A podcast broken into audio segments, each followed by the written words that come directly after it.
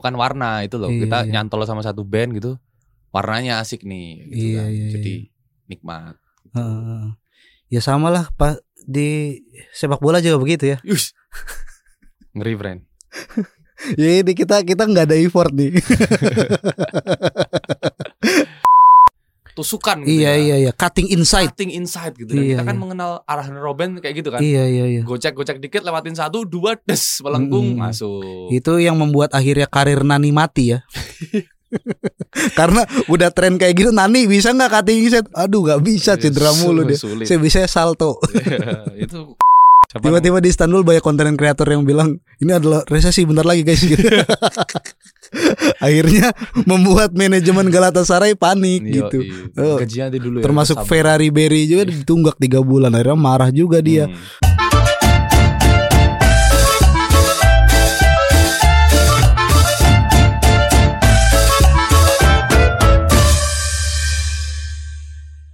Selamat datang kembali di podcast Sora Gol karena sepak bola bukan hanya tentang gol barengan saya Kelas Alfarisi. Dan saya Rehan Majid. Selamat mendengarkan episode ke-74. Yo ilat. Teman-teman yang mendengarkan selamat hari Senin juga karena ini rekaman di hari Senin dan akan tayang juga di hari Senin kayaknya nih. Oh, iya. On fire ya. Ya, wala- ya walaupun agak malam dikit lah gitu. Yoi. Ya nggak apa lah.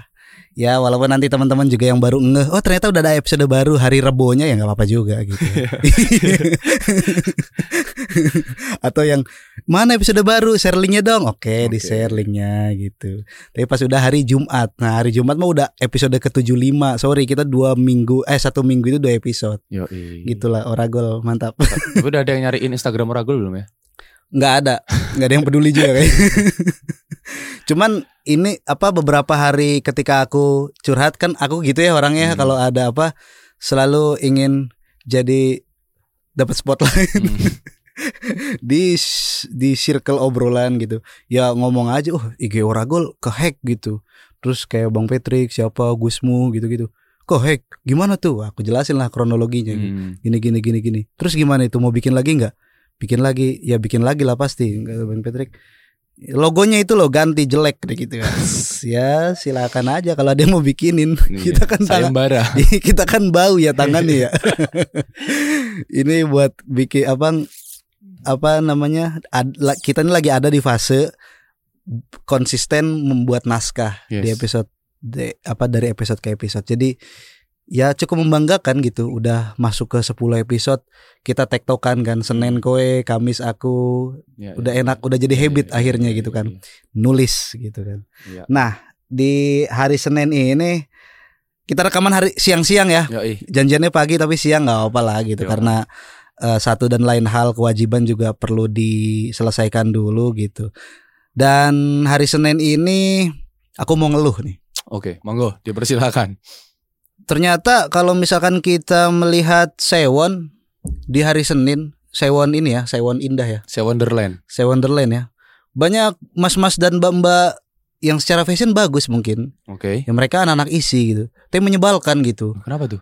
tadi ya makan ke Burjo aja pakai mobil kayak banyak orang-orang kaya ya diisi ya Orang-orang kaya dan yang jelas pelatnya bukan AB. Oh tadi tuh ya jadi aku makan siang nih beli apa namanya beli karena WFA kan tidak dapat makan. Jadi beli nasi nih ke Burjo ya kan nasi telur. Itu rame banget tuh banyak mas-mas dan mbak-mbak calon seniman-seniman Indonesia gitu kan. Anak-anak seni lah ya. Heeh, ya kan dengan berbagai macam outfitnya tapi tetap aja makan nasi telur. Blok gitu. Tiba-tiba ada sekelompok ya mas-mas dan mbak-mbak itu datang pakai mobil men ngeng gitu. Bikin macet jalanan. Waduh. Itu kan apa ya menurut aku kalau yang jadi punya burjo mah suruh udah nggak usah beli di sini beli di burjo yang lain aja gitu kau bikin bikin rugi jalanan aja gitu. Iya kan problemnya juga akhirnya kan mengganggu ketertiban umum ya. betul Yoi. Apa Ah, ya kesel panas-panas Iya, iya, gitu kan iya. macet orang kan punya kepentingannya masing-masing untuk lewat itu kan jalan utama kan termasuk Hmm. jalan utama yang akhirnya Ya. parkirnya di pinggir di badan jalan ya? akhirnya di, di badan jalan Ya karena rata-rata Burjo emang nggak menyediakan parkir untuk mobil ya. iya dan aneh juga kan ngelihat apa namanya tiba-tiba cuman pengen makan di burjo tapi pakai mobil gitu Wah, Tapi siapa tahu mau berangkat kuliah, Haris. Positive thinking aja dulu. ya kan kalau mau berangkat kuliah diparkirin di kampus dulu kan bisa. Oh iya juga. Jalan kaki kan. Itu kan cuman burjonya pas di belakang kampus. Mager berarti. Ya ampun. jangan dibiasakan ya, jangan disamakan gitu. IKJ sama isi beda. Beda, Bung, tolong. iya, beda ya gitu. Ya ya kan kalau IKJ kan pada pakai mobil kan pas lulus kan jelas industrinya gitu. Pasarnya. Anak isi tuh ke mana ya? Kita belum pernah nemu lagi ya. Kue kue sepanjang kue kan kue orang Jogja nih Ah, gitu. Terus ya orang Jakarta kan IKJ, IKJ "Wah, anak IKJ nih nanti jadi ini jadi ini. Terus dia yang udah legend-legend sekarang juga isi itu paling idola kita cuma Mas Farid Stevi doang ya. yoi. Kalau di IKJ bahkan sekarang lulusan seni murninya kalau nggak salah si Ale eh, personilnya The Adams dan White Shoes and the Couples Company itu jadi eh, tim kreatif bahkan yang bertanggung jawab soal tata kreatifnya Synchronize Fest gitu. Nah, iya, Masih- iya, masih iya, iya. Masih menggurita lah mereka di Hmm, skenanya gitu. Kalau di Jogja Jogja Rokarta apa bukan? mungkin ya, mungkin anak-anak isi di sini di skena-skena lokal mungkin. Mungkin ya. Dan ada band-band juga dari isi band-band baru yang sedang merintis gitu. Ah, iya iya iya iya. Tapi ya semoga ke depannya bisa ada festivalis-festivalis baru mungkin ya. Iya ya, maksudnya ya kue kan kemarin ma- malam minggu nonton konser ya. Yoi. Saya nonton konser tapi di channel YouTube dosis dosis musik, Musik hari, hari ya. ini.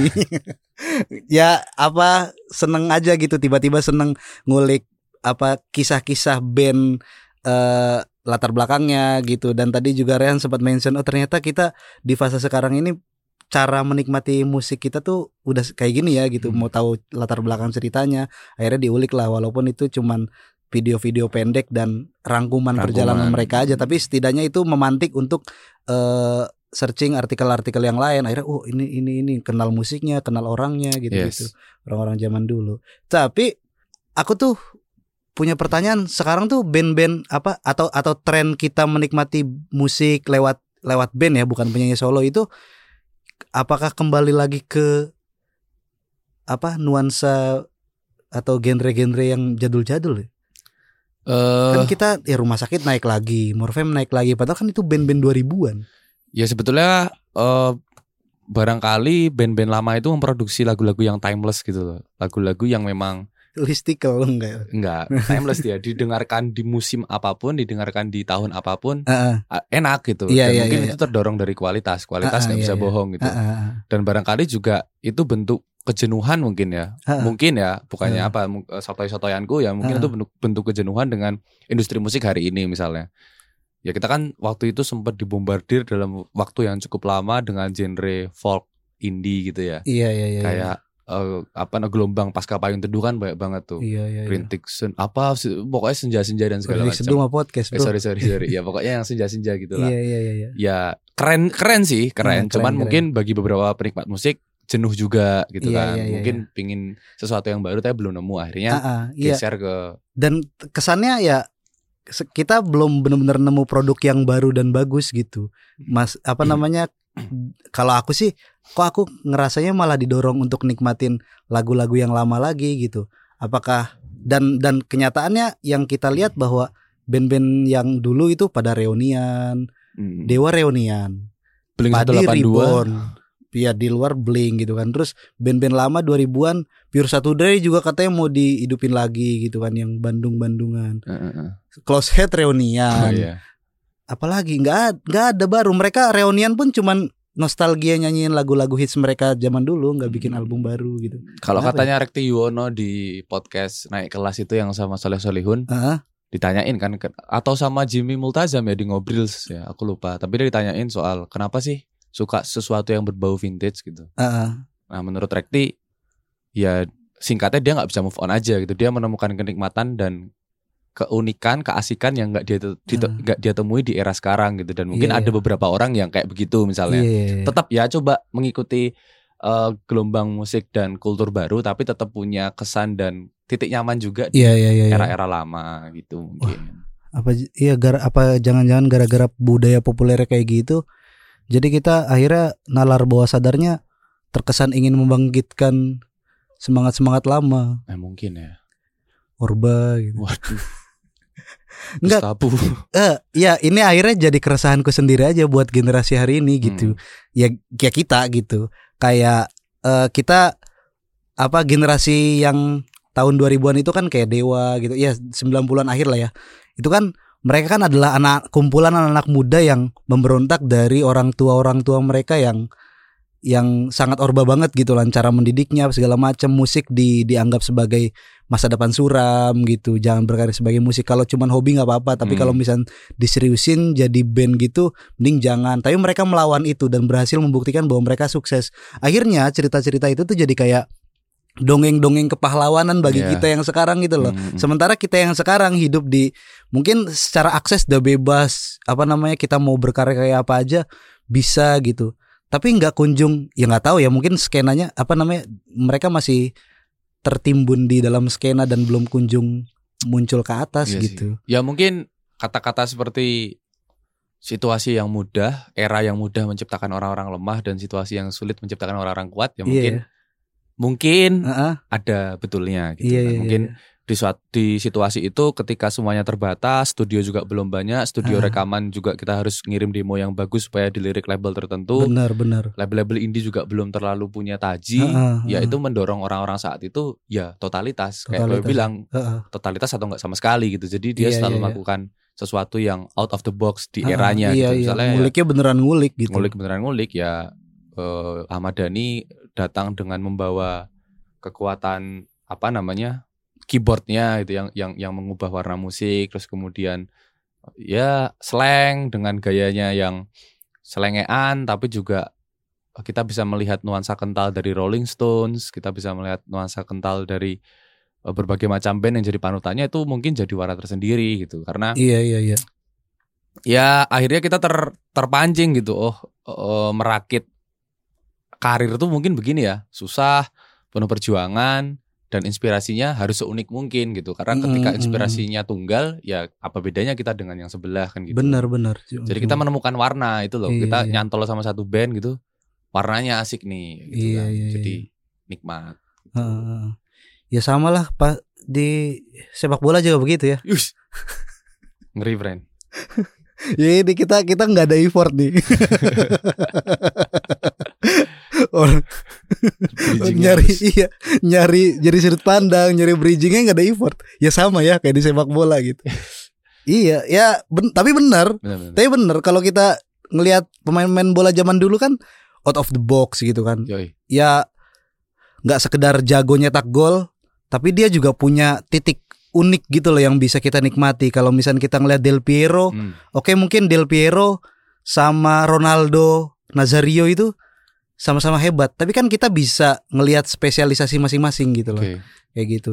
Tapi kalau misalnya kita sekarang ngelihat Phil Foden dengan siapa? Penyerang yang lagi muncul sekarang. Jamal Musiala atau Gavi? Erling Haaland. Erling Haaland? Ya udah gitu. Ya so-so aja gitu. Bener nggak menurutmu? Ya mungkin benar ya karena Heeh. eh era itu adalah era yang yang berbeda dengan era sekarang. Kalau Ricardo Kakak bilang di sepak bola hari ini mungkin saya akan bermain lebih melebar ke sayap gitu karena Iya iya iya iya. eh, apa garis pertahanan naik Heeh, gitu. iya, iya. Nah, dengan garis pertahanan yang rendah, low block gitu Heeh, kan heeh. dan ketat gitu ya.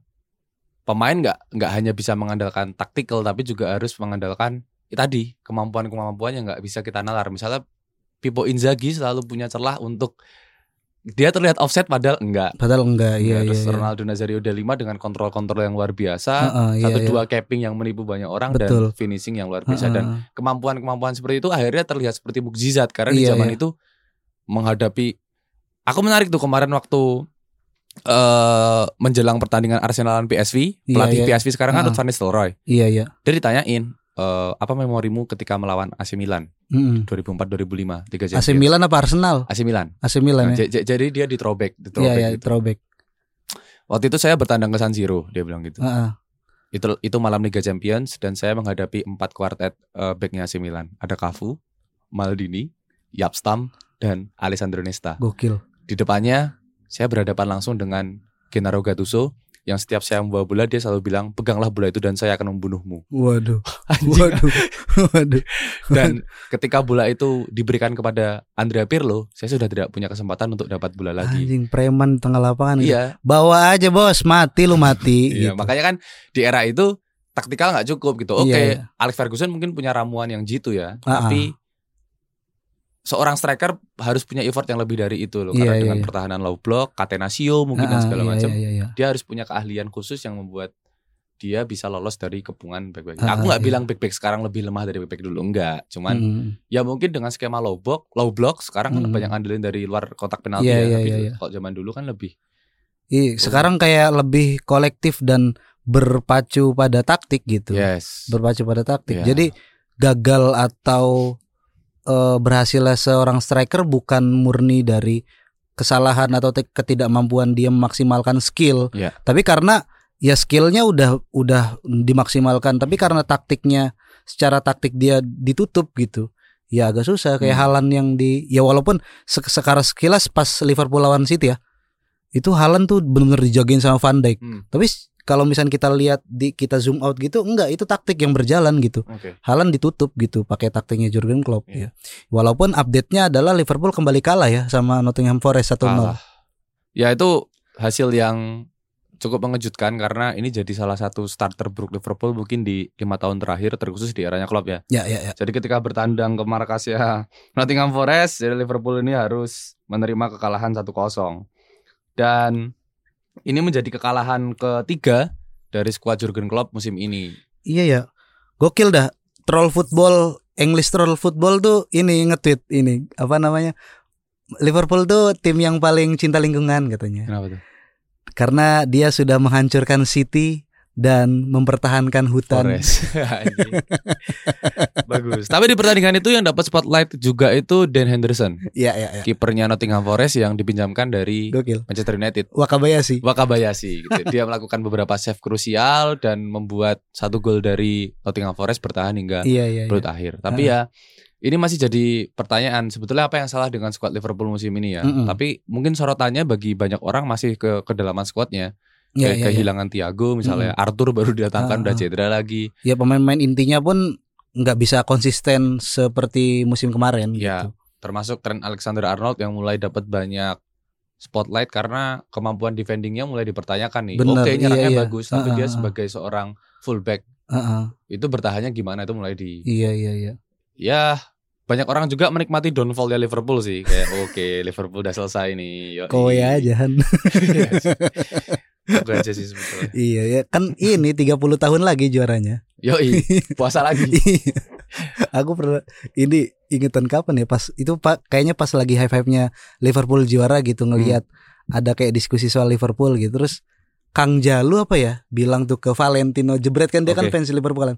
Santai aja Bang Valen gitu. Ntar Liverpool bisa juara laginya pas ini kok anaknya Bang Valen udah S3 deh gitu. Sekarang mutih dulu ya. Ngumpulin kekuatan. Iya. Oke eh, Liverpool kalah 1-0 lawan Nottingham Forest dan Man City ya. bisa menang lawan Brighton Albion 3-1 Hmm. ya masuk akalan lebih masuk akal inilah gitu. Liverpool tuh kayak MU musim lalu gitu lawan tim gede bisa menang lawan Hmm. tim kecil amburadul gitu. Nah sebaliknya Man City gitu. Dan ini norm ya normal gitu. Normal day. Klub- iya k- klub gede ngalahin Brighton Mm-mm. yang ya se- apa namanya sebelum Potter mi, apa cabut itu kan dia sempat naik ke papan atas ya Mm-mm. gitu kalahin terus MU 2-1 Uh-uh. juga di kandang Halan juga nyetak dua gol dan yang selanjutnya ada Chelsea yang satu sama dengan Man United. Ya. Itu gol penyamanya di menit ke 93 ya, Casemiro. 90 plus 4 90 plus 4 ya. Ya. Iya iya iya. Kepa Arrizabalaga padahal udah berhasil nepis ya. ya itu itu pertandingannya keren sih tapi waktu waktu golnya Jorginho Heeh. waktu penalti itu sebetulnya aku kayak yang udah rela kalah aja gitu Ya karena udah. aku ngelihat dua tim ini bermain sama-sama bagus Mhm. dan penalti jadi aku yang kayak oke lah gitu Oh ya udah. ini iya. enggak ini hasil yang enggak menyenangkan buat United karena bermain cukup baik tapi kalah Iya iya iya. tapi masih ada konsistensi gitu di permainan Iya, United Cara main bagus ya. Dan men- Heeh. mentalitas itu terbangun aku ngelihat beberapa kali Erik Ten Hag ngelihat pemain MU yang leda-lede, gledar-gleder, lambat gitu nggak suka. Jadi Hmm. ada satu momen ketika bola itu bola mati, Luke Shaw tuh capping eh capping apa? Timang-timang bola loh, kipi Iya, iya, api iya, gitu. iya, Sama iya. Ten Hag dimarahin, "Ayo cepet majuin bolanya." gitu. Ngapain? Ayo masih ada waktu gitu. Itu kan mentalitas, itu Iya, kan iya. perkara Iya mentalitas. iya benar-benar. Dan itu terbukti eh, lewat golnya Casemiro. fucking rubbish gitu. Iya, fucking rubbish, come on gitu katanya. Dan akhirnya gol penyama itu datang dari tandukannya Casemiro. Casemiro. Luar biasa sih. Kelas sih memang. Gol pertamanya Casemiro untuk United dan itu penyama di laga yang krusial. Iya, Karena iya. kalau dan dengan sangat emosional ya perayaannya ya. Yes, kalau semisalnya kalah eh, dari City eh dari Chelsea, MU sama Chelsea kemungkinan akan beda 2 atau 3 poin gitu dan itu Iya, akan iya, susah iya. karena udah mau libur Piala Dunia. Libur Piala gitu. Dunia ya. Dan di yang jadi sorotan di pertandingan ini adalah ketidakadaannya Cristiano Ronaldo. Ya. Yang Ya, di yang diistirahatkan dan dikeluarkan untuk sementara ya dari Mm. skuad inti Mm. karena ya sebelumnya pas lawan ini ya siapa? Tottenham. ya? Tottenham, ya. Tottenham udah menit-menit akhir pengen dimainin sama Ten Hag Oh kebelet kayaknya ya. Iya. Kebelet ya. Pergi dan itu jadi polemik Hmm. gitu. Apakah eh, Ronaldo lebih besar dari Man United Hmm. atau ya karena egonya aja gitu yang gede gitu. Aku pikir ya mungkin Ronaldo harus ini kali ya healing gitu ke Bali apa ke mana gitu dan dan atau ke India. Ya ke mana lah ke tempat-tempat yang bisa menyadarkan dia bahwa waktu-waktu kejayaanmu sudah berlalu Iya, gitu. hari ini kamu boleh aja berjaya tapi nggak nggak melulu jadi pemain gitu. Ayolah gitu. Hmm. udah 37 tahun masa mau jadi starter dan mau jadi spotlight terus Hmm. gitu? Ya aku ngelihat situasi itu sebetulnya bisa dilihat dari dua, kacamata sih. Secara kacamata positif, ya aku ngelihat itu adalah desire yang luar biasa dari seorang Ronaldo. Dia pengen main lebih awal sebetulnya. ya Dan cuma dikasih 15 menit main, dia ngerasa ngapain gitu. apaan nih gue bisa bayar stadion sendiri buat Iya. gue main 90 menit Ah. kenapa lu mainin gue 15 menit doang Nah itu. Tapi buruknya adalah ini nggak baik buat kultur tim gitu. Iya. Makanya apa yang dilakukan sama Ten Hag tak pikir itu tegas dan itu me- menegaskan perubahan kultur yang besar di United gitu. ya ya ya ya Kalau misalnya kamu udah merasa lebih besar dari klub, ya udah nggak usah gitu. ya ya ya, ya. Akhirnya dia kan kemudian dikeluarkan dari latihan kelompok tim dan kemudian tidak dibawa ke London gitu kan. Iya, itu jadi iya. pelajaran buat dia. Heeh, heeh. Tapi meski begitu Ten Hag juga bilang di bursa transfer Januari nanti saya nggak ada kepikiran untuk cari striker lagi karena saya Mm-mm. masih mengandalkan Ronaldo gitu. Itu juga Iya, iya. mengindikasikan Ten Hag profesional. profesional Secara attitude saya nggak suka, tapi secara gameplay kamu masuk skemaku gitu. Jadi Iya, iya, ya iya, fair lah dan ini fair fair iya iya harus iya, iya. diterima dengan baik sama Iya, Ronaldo. iya. Ya aku nggak tahu ya kalau ini dialami sama bintang lain misalkan Messi gitu. Hmm, Bintang Emon. Enggak lah, Oh enggak ya beda. enggak lah. kenapa kenapa ke bintang Emon? Kayaknya Messi kalau digituin di PSG ya, dia bakal bakal langsung cabut sih dari PSG karena Langsung ini kan ya? tim pelariannya dia kan. Oke. Kecuali dia di Barcelona gitu, dia bakal mikir-mikir gitu. Hmm. Ya Barcelona lebih dari dia gitu. Meski on club ya. Mas, ya walaupun sekarang miskin klub kan. Miskin klub. Iya, tapi kalau di PSG ak- aku yakin sih ya what if-nya gitu kalau misalnya tiba-tiba di udah 15 menit lagi Messi main. Ih, ngapain? Gue di sini pengennya gitu-gitu gitu lah Happy oke. happy. Iya, happy happy. Nah, ini persoalannya juga di apa namanya? Ronaldo ada di Manchester United, maksudnya di klubnya dia gitu loh. Yes. Dia dia someone di klub itu, Hmm. bukan tiba apa bukan klub pensiunnya dia ibaratnya gitulah gitu. Bu- Dia bukan di New York Red Bulls atau di Los Angeles Galaxy atau Ohio gitu-gitu.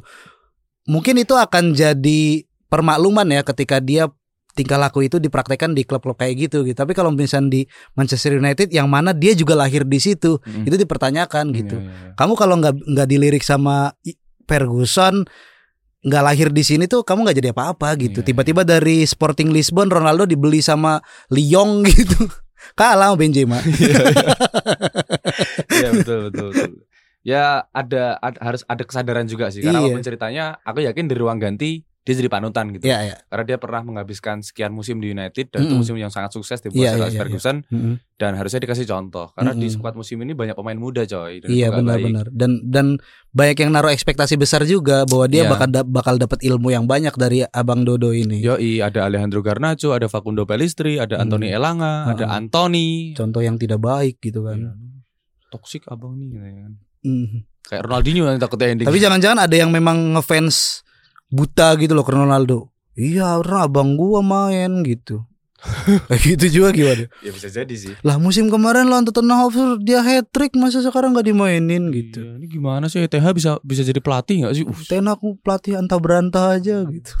nggak ada yang lebih besar dari Ronaldo. Apa nih anjing? ya Ronaldo habis-habisan di ini aja lah. Mungkin itu niat baiknya Ten Hag biar Ronaldo tidak cedera kan. Iya, Iya kan? Kalau cedera kan wah anjir dia pindah negara dia. Kebayang frustasinya gitu kan. Ini kesempatan terakhir dia buat coba berbicara banyak di Piala Dunia.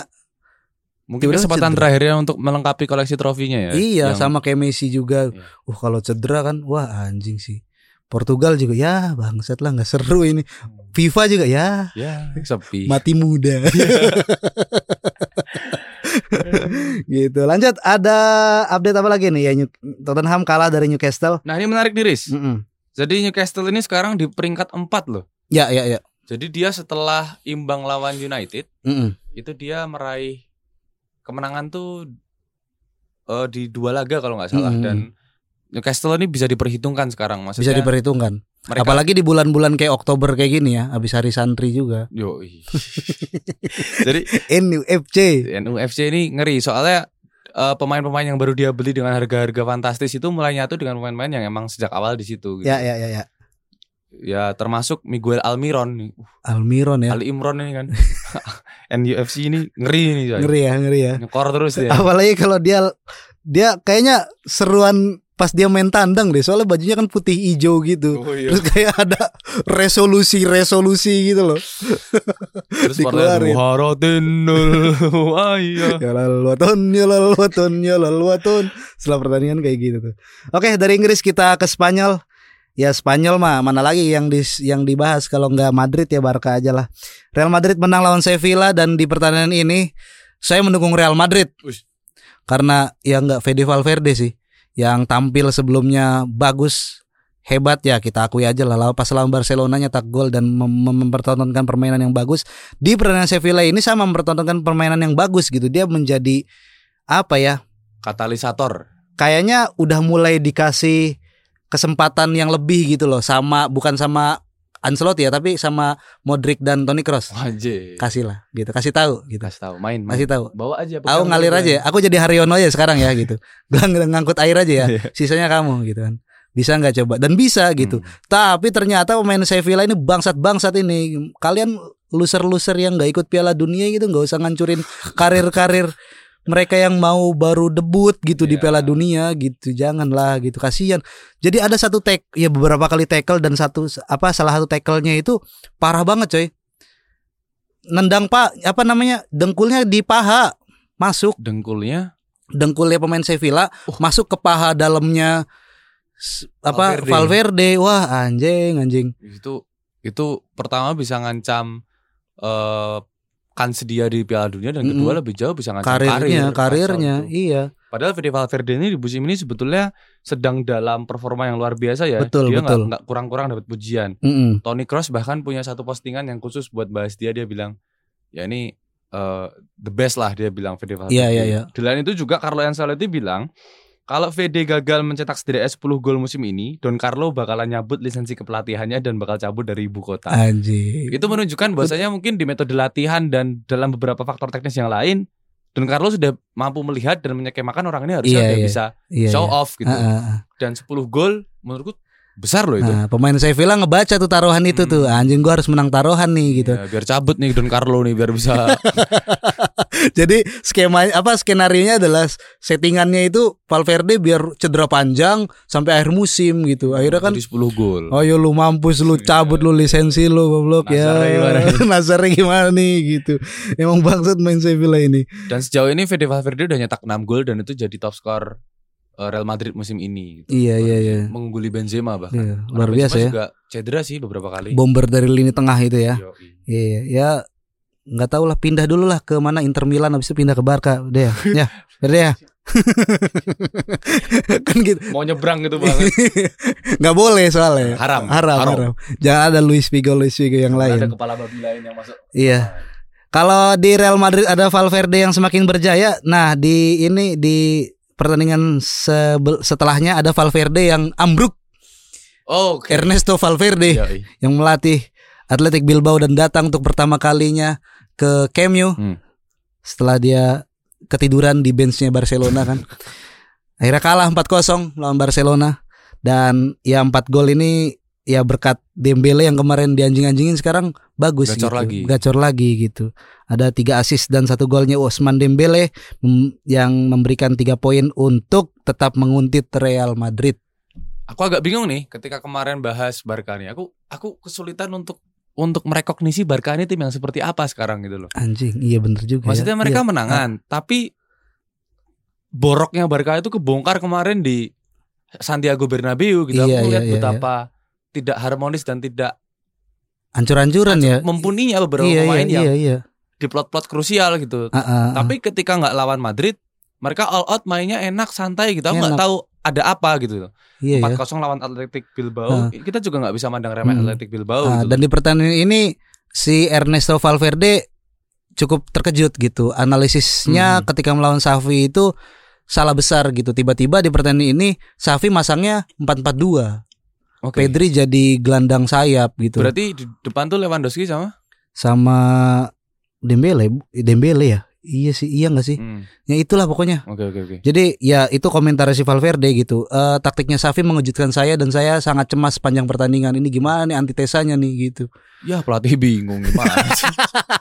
Ketiduran ya RC Valverde emang susah gitu. Kehabisan akal di tengah lapangan nggak lucu itu mati muda tuh tim mati muda tuh anjing kok gini ya sudah ayo semangat apa instruksinya semangat katanya Yuk bisa yuk bisa yuk bisa, yuk bisa, yuk.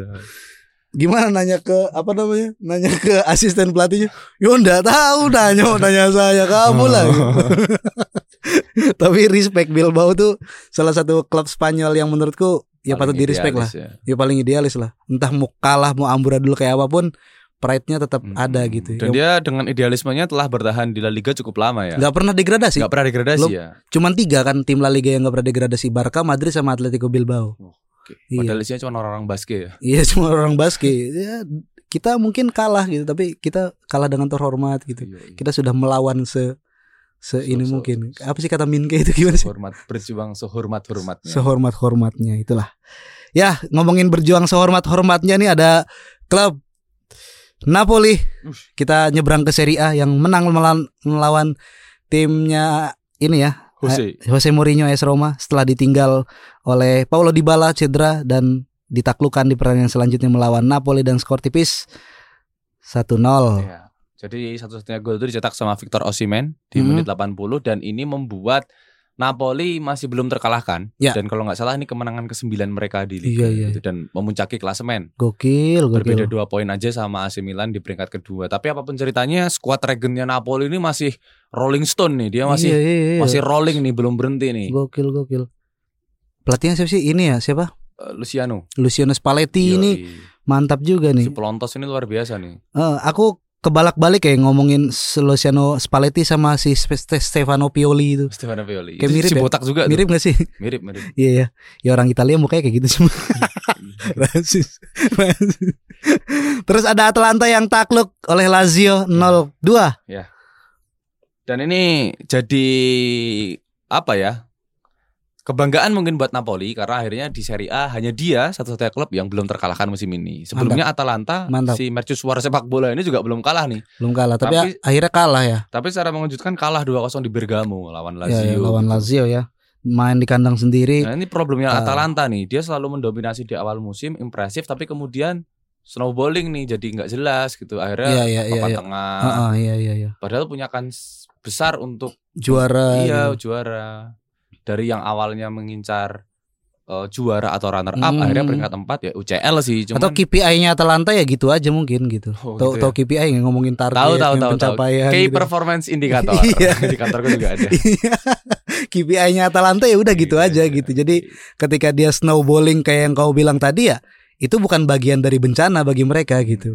Keuntungan udah berhasil mereka raup, ya udah gitu. Sisanya kita hura-hura aja bro, gitu. Jadi setengah eh, tahun pertama, semester pertama udah Semester tercapai semua Tercapai targetnya. semua Semester targetnya. kedua Iya, santai. Iya, yang penting udah bisa udah udah dapat modal buat ngebayarin semua karyawan selama setahun Hmm, gitu. Dengan cara ngejual pemain yang kemudian bersinar. Iya, gitu. gosen kan. Iya. Makanya nggak pernah juara gitu. Iya, ya KPI ayam gitu. Hmm. Susah emang. Karena Barcelona gitu aja gitu. Siap-siap ditinggal fans.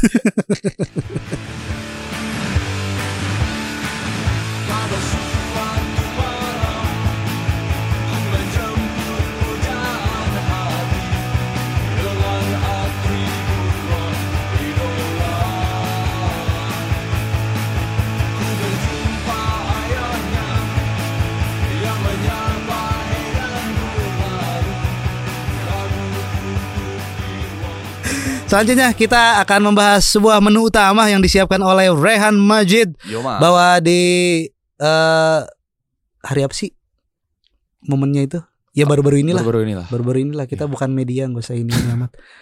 Ada ya idolanya teman-teman Winning Eleven ya Yo, dan juga PES 2013 Hmm. tau gak PES 2013 tahu. Emusa Emusa Asem di mata ada Frank Ribery yang akhirnya menyatakan dia akan mengakhiri karir pe- pesepak bolanya Ya. sebagai pesepak bola Hmm. dan pensiun. Ya. Duh. Grazi, Grazi Ribery. Jadi ini adalah segmen tribute buat seorang Frank Ribery yang telah mewarnai masa-masa kita tumbuh mungkin Riz ya. Iya iya iya. Menonton sepak bola yang nggak pernah lepas dari Frank Ribery gitu. Eh, Salah satu orang yang kemudian eh, fenomenal, terkenal karena selain skillnya dia punya bekas luka di Gokil. wajahnya. Kayak mamang-mamang preman gitu. Yoi. Tapi meskipun bertamang preman dia adalah muslim yang taat. gitu. Muslim yang taat. Setiap postingan Instagramnya selalu ada hashtag Alhamdulillah. Tidak seperti Zinedine Zidane ya. Abangan. Istrinya penari. Jadi ini menarik nih, Frank Ribery ini memulai semuanya dari kampung halamannya. Jadi dia kayak pemain keturunan juga sih, Aljazair mungkin kalau. Pokoknya dia ada keturunan. Iya iya tapi iya. dia emang lahir di Prancis. gitu. Prancis ya. Dia lahir di sebuah Ah. kota bernama Bolong dan dia memulai karirnya di sana. Iya iya. iya. Tadi kan aku mention sedikit soal lukanya ya. Jadi waktu Iya. kecil tuh dia kecelakaan sama keluarganya gitu. Dan dia Oke. terpental dari dalam mobil menembus kaca dan mem- membutuhkan kurang lebih 100 jahitan gitu. Dan jahitan itu nggak pernah hilang tapi justru jadi ikonik buat dia. Iya iya iya iya. Yang menarik sebetulnya adalah dia itu karena bersinar di klub kecil ya FC Conti Bolong, dia ditawarkan dan menerima eh, kesempatan untuk belajar di Akademi Lille. Oke. gitu. Jadi di Akademi Lille saat itu merupakan salah satu akademi terbaik di Prancis, Mm-mm. tapi sayang sekali karirnya cuma tiga tahun di situ Iya iya karena iya. dia iya. dianggap tidak punya attitude yang bagus. Iya iya iya. Dia juga dianggap tidak memiliki nilai akademis yang bagus. Jadi di Mm-mm. luar negeri begitu tuh. Iya iya. mendidik iya. pemain sepak bola nggak hanya baik secara Attitude eh, mental. tapi secara akademik dia Iya, harus pendidikannya juga diintegrasikan dengan pendidikan usia anak punya, ya. yes gitu. Iya, Jadi iya. jangan sampai dia lepas Heeh. dan jauh dari Iya. pendidikan. Gitu. Heeh. Itu itu itu penting gitu karena bagus skill main bolanya tapi tidak berbudi pekerti ya. nah, bisa. Nggak bisa ya. Hmm, Dan satu lagi layaknya stigma orang Eropa pada masa itu dia masih sangat memandang secara fisik gitu dan Iya, secara iya, fisik iya, emang iya, Frank Ribery nggak begitu tinggi. Mm-mm. Akhirnya dia dilepas oleh Lille dan kembali ke kampung halamannya. Iya iya iya iya. iya. Ya agak sus ya agak susah sih gitu Hmm. kalau misalkan ya gimana Lil apa Ribery berasal dari keluarga ataupun lingkungan yang mungkin kalau standar Prancis itu pinggiran gitu kan punya kultur yang mungkin selengean apa segala macam masuk ke Lille Waduh, sekolah swasta bagus Iya, kan. Masuk ke SD Muhammadiyah Sapen kan. Anak-anak terhormat tuh ya. nyebut nyebut lembaga lagi. Aku nyari analogi dari tadi apa ya apa yang kira-kira? Sapen lah. Iya gimana gitu tiba-tiba uh kok gini? Kok bisa? Misalnya siapa nih scouting Hmm. scouternya nih? Kok tiba-tiba masukin anak ini kata guru in penjaskesnya kan. Ini nggak sesuai dengan sesuai visi misi kita ini. Nggak sesuai dengan visi kita gitu. Nah, singkat cerita akhirnya dia pulang nih ke Bolong nih. Dia pulang dan alih-alih segera mendapatkan kontrak profesional, dia justru bermain di Liga Amatir bersama Olympic Ale. ya ya ya Jadi dia berkompetisi di Liga Amatir untuk waktu yang cukup lama dan penghasilannya nggak cukup banyak sehingga beberapa kali dia harus nyambi, Riz. harus harus ikut bapaknya juga jadi kuli gitu coy. Jadi iya iya iya ini masa-masa yang disebut Ribery kepada Bundesliga sebagai masa belajar gitu. masa belajar ya, Ya, penempaan ya Perempaan dia bermain Penempaan. di Liga Amatir harus membagi waktu menjadi kuli untuk memenuhi kebutuhan keluarga gokil. dan itu dianggap sebagai masa belajar. Dia Iya. menyebut saya belajar soal etos kerja, kedisiplinan, kejujuran nah dan lain-lainnya. di situ dia belajar Itulah akhirnya titik balik seorang Titik Frank baliknya. Ribery. Karena setelah itu di umur 20 semuanya berubah. Ribery menandatangani kontrak pertama profesionalnya bersama Stade Brestoy di Ligue 1. iya Dua. iya, eh iya, Ligue 2 berarti Ligue 2. Aku merasa Ribery ini kayak Hyuga di anime gitu. Waduh, kenapa tuh? Hyuga kan ya bukan berasal dari keluarga yang punya banyak privilege Hmm. yang bisa mengantarkan dia gampang banget jadi sepak bola hebat nggak kayak Iya. Subasa kan. Mm. Dan dia prosesnya kan gitu kan main bola, sekolah, Hmm. ikut eskul bola, mewah itu kan. Hmm. Pulang sekolah harus dagang koran dulu. Hmm. Loper koran. Pagi loper koran, sekolah main bola habis itu jadi energinya tuh Ush. Jadi ya, tertempa gitu loh. Habis itu naik sepeda kan. Wah, Masa gokil. belajar ya? Masa belajar itu. habis ya, itu habis itu menciptakan tendangan macan kan, membelah Yoi, ombak. yoi.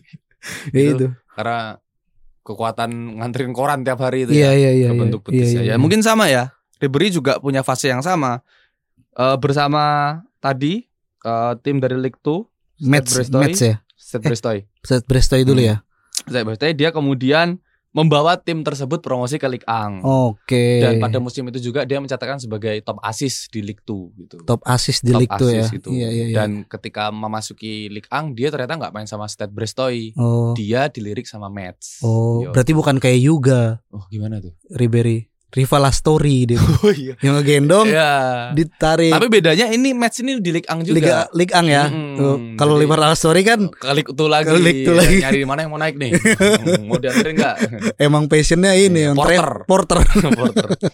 Kang gendong aja kan. Yoi. Jadi di Ligue 1 bersama Mets, Ribery langsung menjadi sayap andalan dan beberapa kali mendapatkan penghargaan pemain terbaik dari timnya secara Ya, bulanan ya, ya. gitu. Dan kemudian kisah Ribery yang manis ini berlanjut dari Mets, dia terbang menuju Istanbul. gitu. Mantap. Jadi ini satu satu cult momennya Ribery itu ketika dia berseragam Galatasaray. Galatasaray gitu. Uh, Seorang gokil. Frank Ribery pernah berseragam Galatasaray dengan nuansa eh, kultur Uh, tribun Ultras aslannya. ultras aslan yang luar biasa yang disebut eh Alex Ferguson sebagai football bloody hell gitu ya. Gokil. kayak di neraka gitu katanya masuk stadion Istanbul anjing katanya apa ini gitu. Dan di situ di Galatasaray eh, dia dicintai oleh fansnya, kecepatannya Iya, di iya, iya, lapangan iya, iya. bahkan membuat dirinya menyandang julukan Ferrari Berry. Ferrari Berry. Iya, karena kecepatan yang luar Iya, biasa iya, gitu. iya. Ya hampir sama lah kayak ini Febri RX RX King, yo, numpa. Cuman kenapa kenceng kenceng standar Indonesia sama kenceng standar Eropa beda ya. Iya, beda. Karena mereka ngeliat oh kenceng Ferrari gitu kan. Sini RX Ya, karena mungkin Ferrari belum itu- pernah belum pernah lihat Ferrari kali ya. karena mungkin selain kencang, dia punya quality juga gitu. Quality Dia ya. punya Nggak sesuatu cuman yang kenceng ya. value gitu Mm-mm. makanya Ferrari Berry Ferrari Berry. RX. tapi bukan Iya, berarti si Febri nggak berkualitas ya Berkualitas. berkualitas banget Oh, Makanya buktinya jadi RX. jadi pilihan utamanya Luis Milla. Yo, Luis Milla kan dari Spanyol dong. Yoi. Masa tidak berkualitas? Yoi. ah, Pasti. Jangan meragukan gitulah. Ya, masa-masa indah bersama Galatasaray pun tak juga berlangsung lama. Hmm. Tiga bulan gajinya ditunggak oleh klub yang membuatnya dan membuatnya marah. Hmm. Ya, ya gimana ya Galatasaray mungkin lagi ini kali apa namanya? resesi itu masih pergolakan antara kaum nasionalis melawan revolusioner tuh. Iya, iya, iya, Sisa-sisanya siapa? Tiba-tiba di Istanbul banyak konten kreator yang bilang ini adalah resesi bentar lagi guys. Gitu. Akhirnya membuat manajemen Galatasaray panik Iya, gitu. iya. Oh, Gajinya dulu ya. Termasuk sabar. Ferrari Berry juga ditunggak tiga bulan akhirnya marah juga dia. Hmm. Saya kerja serabutan ke apa gajinya langsung bayarannya ini Iya. saya punya prestasi dan dapat julukan di sini gajinya ditunggak ngapain akhirnya dia direkrut apa dan pindah karena dilirik oleh tim Ligue 1 ya Hmm. ke Olympique Marseille Mm-mm. dan bersama Marcel Taji Ribery makin kuat. Permainan ciamiknya berhasil membawa klub dari kota pelabuhan itu untuk tampil dua kali di Coupe de France. Ini piala Prancisnya sana ya. Mm-mm. Dan menjadi runner up di musim 2006-2007. Permainan gemilangnya ini membuat dirinya mendapatkan slot untuk membela timnas Prancis di Piala Dunia 2006. Yo. Itu Piala Dunia bah, itu Piala Dunia 2006 itu Jerman ya? ya di Jerman Nah. itu timnas Prancis ya gokil-gokil sih. Mm-mm. Makalele masih ada, Zidane masih ada. Henry masih ada, Robert Pires masih ada. Nah, itu definisi Piala Dunia terakhir bagi veteran-veteran tuh. dari iya, 2006 tuh. Turam, Iya. terus siapa lagi ya? David Trezeguet. Bartes. oh, iya, iya. Gokil. Ya itulah. Termasuk Zidane juga kan? Termasuk Zidane juga kan. Dia mengakhiri karirnya dengan sebuah tandukan tapi tidak gol Hmm, Tapi diganjar kartu merah. gitu. ya, di Piala Dunia 2006 ini eh, Ribery mendapatkan kepercayaan luar biasa. Dia memainkan semua laga yang dimainkan oleh Prancis saat itu, tapi sayang sekali di partai final kalah sama Itali. Mm-mm. Jadi ini ya apa namanya pilihan utamanya Raymond Domenech ya. Ya, Raymond Domenech. Dan oleh Zidane, Ribery saat itu disebut sebagai mutiara sepak bola Prancis. Gokil. Yang bilang Zidane, coy. Ya ini respect sama imigran. Melindungi kepentingan nih. Biar gak diapa-apain nih bocah nih. Iya kan harus statement nih. Kasih statement. Soalnya dia punya privilege. Yoi. Saya sudah jadi legenda ini. Yoi. Piala Dunia saya pernah menang gitu. Yoi. Ini bocah jangan diapa-apain ya anak bocah gua nih. katanya. Mutiara sepak bola Prancis. Dan musim panas 2007 barangkali akan menjadi waktu paling dikenang Ribery karena pada musim itu nama dan gelontoran penghargaan akan mengalir deras kepadanya. Jadi saat itu Bayern Munchen lah eh, yang membawa Ribery ke panggung dunia gitu yang lebih Iya, dikenal luas puncak karir gitu. Yes. Ribery. Hmm, Saat itu presiden klub eh, Bayern Munchen eh, Franz Beckenbauer bahkan mengatakan bahwasanya mendapatkan Ribery saat itu seperti memenangkan lotre. Gokil. Karena ya bener Iya iya iya. setelah itu ya the rest is history gitu. Eh Bayern Munchen memang memecahkan rekor transfer untuk pembelanjaannya ya 25 juta euro.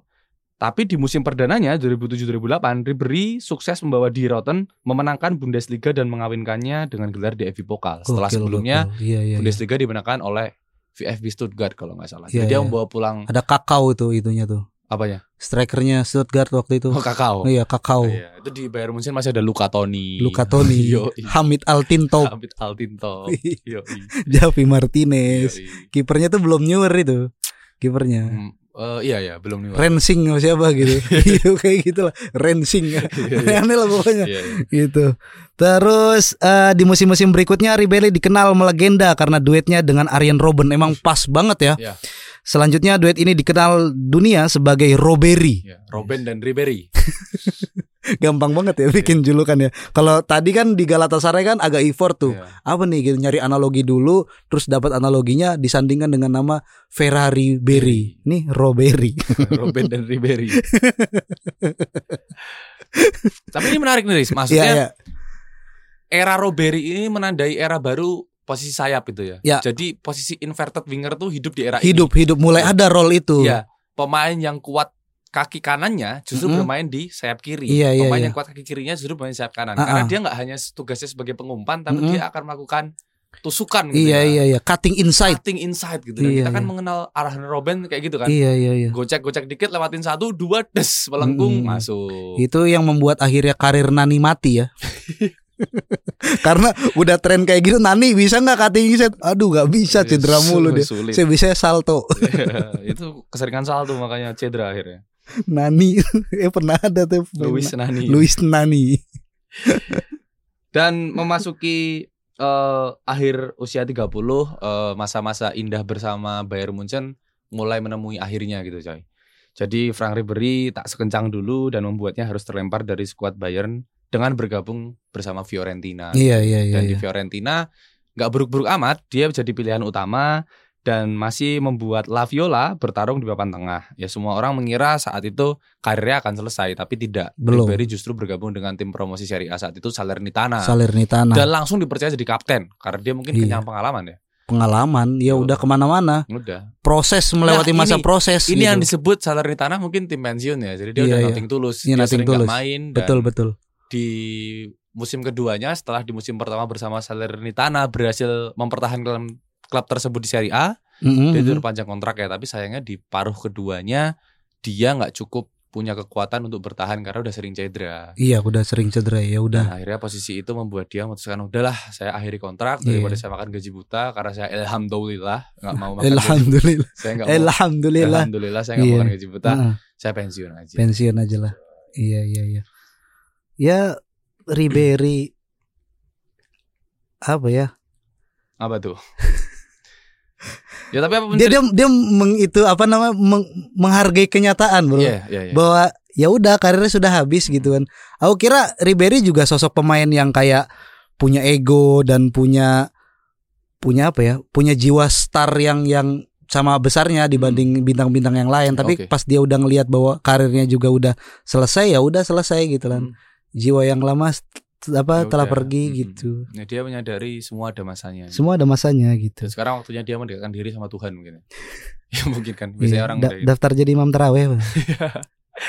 Dan eh, meski begitu eh, kita bisa mengenang Ribery sebagai salah satu talenta yang sukses di lapangan hijau ya. Ya. Dan selain momen kontroversial di 2013 dia digadang-gadang mem- memenangkan Ballon d'Or. Pernah jadi pemain Eropa terbaik juga. Iya. Eh, tapi apa pun ceritanya dia telah berhasil memenangkan 9 kali Bundesliga, 6 kali di FV Pokal, satu kali Liga Champion, satu kali Piala Dunia antar klub, satu kali Piala Super Eropa, empat kali Piala Super Jerman dan satu kali Piala Turki. Sebuah Iya, iya. catatan yang luar biasa dan jadi bagian bersejarah di Bayern Munchen. Bayern Munchen yang bakal jadi legenda tentunya gitu. Tentu saja. Kita bakal ngelihat ya kita mungkin bakal sulit melihat lagi ketika ada pemain yang bener-bener ngetrack gitu loh ngajak ngajak pemain lari Oh iya ya. dari belakang ke depan ya ya terakhir kita ngelihat Theo Hernandez ya Theo, Theo ya.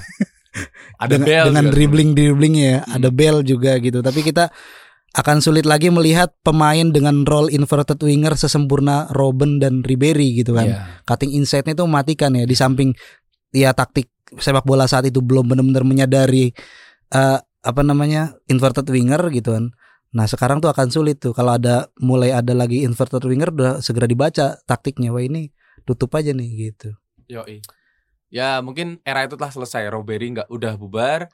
Arjen Robben pulang ke Belanda bersama Groningen yang berangkat ke stadion naik sepeda. Dia kembali jadi mas-mas Groningen biasa, Iya. mengenang masa lalunya ya kan. Bahkan dia sudah tidak dibayar full. Dia Iya, menerima bahwa saya sudah cukup tua dan ini sebagai bentuk terima kasih saya terhadap klub ini gitu. Begitu Iya, juga Ribery Ribery ya. bersama Salernitana barangkali motivasinya bukan macam-macam tapi Mm. ya saya ingin Iya. membersamai Mungkin klub-klub. menu makanan pemain Salernitana kurang enak di traktir sama Ya, Ribery mau gitu. makan apa? Makan apa? Ini kalau menang nih gue traktir. Bisa nggak? Kalau nggak bisa, jamaah kalian semuanya gitu. Kalau kamu bisa nyetak gol tak kasih jersey yang tak pakai waktu juara Liga Champions 2013 itu. Wah, bajikur gelem aku Mas. Nah, makanya gol lagi. Oke, siap. Oke, itu kan membuat semangat gitu. Iya, iya. Ya, tapi apa pun ceritanya Grazi lah ya. Grazie. Terima kasih Ribery dan kita tunggu Ribery. apakah dia akan berada di pinggir lapangan sebagai alenatore. Oh anjir keren sih kalau misalnya dia jadi pelatih. Tiba-tiba datang jadi pelatih dan dengan dengan wajah yang yang nggak bisa berubah kan emang udah potongannya kayak gitu kan. Mm-mm. Terus dia dengan berbagai dengan ekspresinya marah-marahnya, wah anjir berantem sama Gattuso gitu kan. Aku membayangkan Ribery misalnya pulang ke Olympique Marseille ya, Ya. salah satu klub yang Ah, besar kan namanya iya, dan kemudian berlaga di Europa League ketemu sama Groningen yang kemudian dilatih sama Arjen Robben. Kita melihat Ribery di pinggir lapangan lagi gitu, tapi Yoi. sebagai pelatih kan keren ya anjing. Ada nggak inverted coach Ikut masuk gitu ya, cutting inside ke bench lawan? maki-maki. Oke, sampai jumpa di episode selanjutnya. Bye. Bye.